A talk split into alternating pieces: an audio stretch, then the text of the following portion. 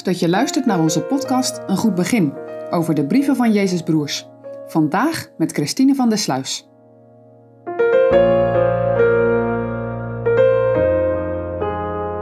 Gisteren dachten we met elkaar na over onze houding.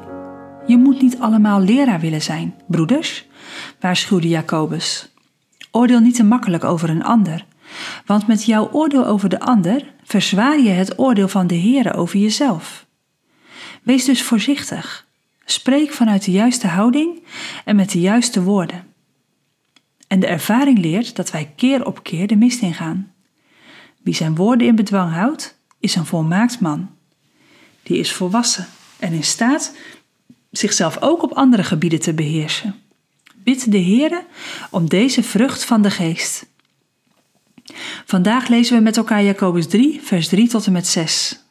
Ziet, wij leggen den paarden tomen in de monden, opdat ze ons zouden gehoorzamen, en wij leiden daarmede hun gehele lichaam om.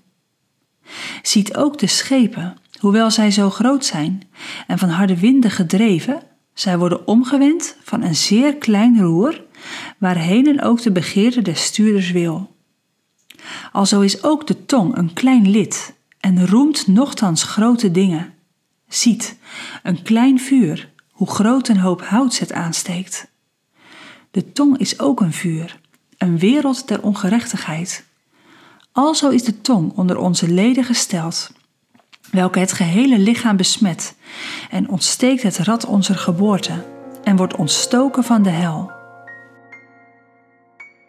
Ik hoorde pas ergens dat je tong een van de sterkste en krachtigste spieren in je lichaam is.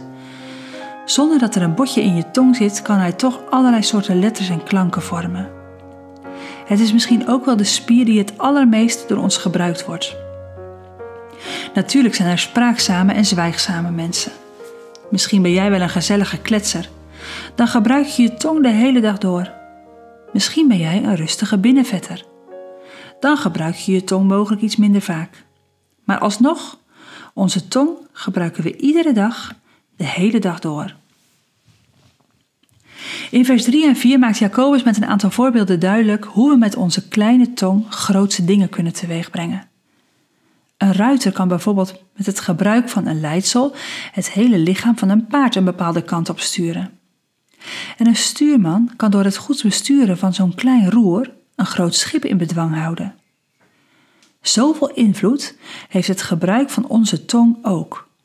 Dit kleine orgaan kan bij verkeerd gebruik meer kwaad doen dan alle andere organen bij elkaar. Al het kwaad, alle donkerheid en zondigheid die in ons leeft, kan onze tong naar buiten spuwen. En dit kan ook via appjes, mail en berichtjes op Instagram bijvoorbeeld. In vers 5 wordt de tong nogmaals vergeleken, nu met een vonkje. Je weet het wel, zo'n klein vonkje van een sigarettenpeuk of van een smeulend kampvuurtje kan bosbranden veroorzaken. Zo kan een kleine, lelijke opmerking relaties kapot maken, harten verscheuren.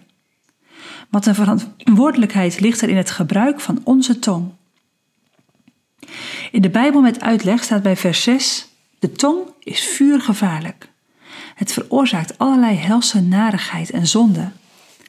Vaak belandt het hele lichaam in zonde en schuld door onze tong.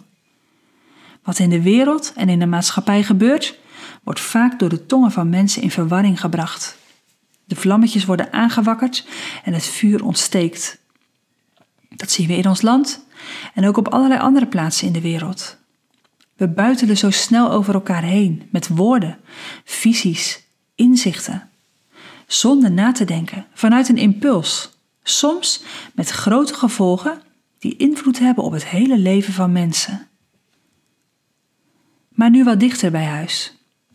Heb jij je tong in bedwang? Waar spreek je over als je met je vrienden of vriendinnen bent? Wat wordt er bij jullie aan de keukentafel besproken? Wat brengt jouw tong dan voort? Liefde, rust, eensgezindheid, warmte, eenvoudigheid, nederigheid? Gaat dat bij jullie aan de keukentafel of in je vriendengroep vaak over anderen? Vliegen de oordelen en de lelijke grapjes over tafel? Het ligt zo op de loer om onze tong de vrijheid te geven. Maar als we dat doen, dan laten we ons leiden door de duivel. Daar eindigt vers 6 mee. En wordt ontstoken van de hel. Wanneer wij eruit gooien wat we willen, wanneer we onze tong niet in toom houden, dan laten we ons leiden door de duivel. De tong brengt dan woede en haat voort. En dat is precies wat de duivel wil. En als Gods genade niet in ons komt, dan gaan we door. We zeiden het al. Onze tong in bedwang houden is een gave van de geest. Dat kunnen we niet in eigen kracht.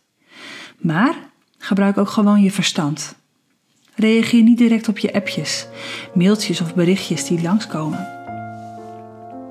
Leg niet je eigen meetlat ernaast. Reageer niet als meester, maar overdenk het als leerling, als broeder. Breng het in gebed en reageer dan pas. Ja, dat kost zelfverloochening, want we laten zo graag horen hoe we ergens over denken. Maar tegelijk zal het je goed doen. En vooral, het gaat om de eer van Gods naam. En Hij roept je op om je tong in toom te houden. En Hij wil geven wat Hij beveelt.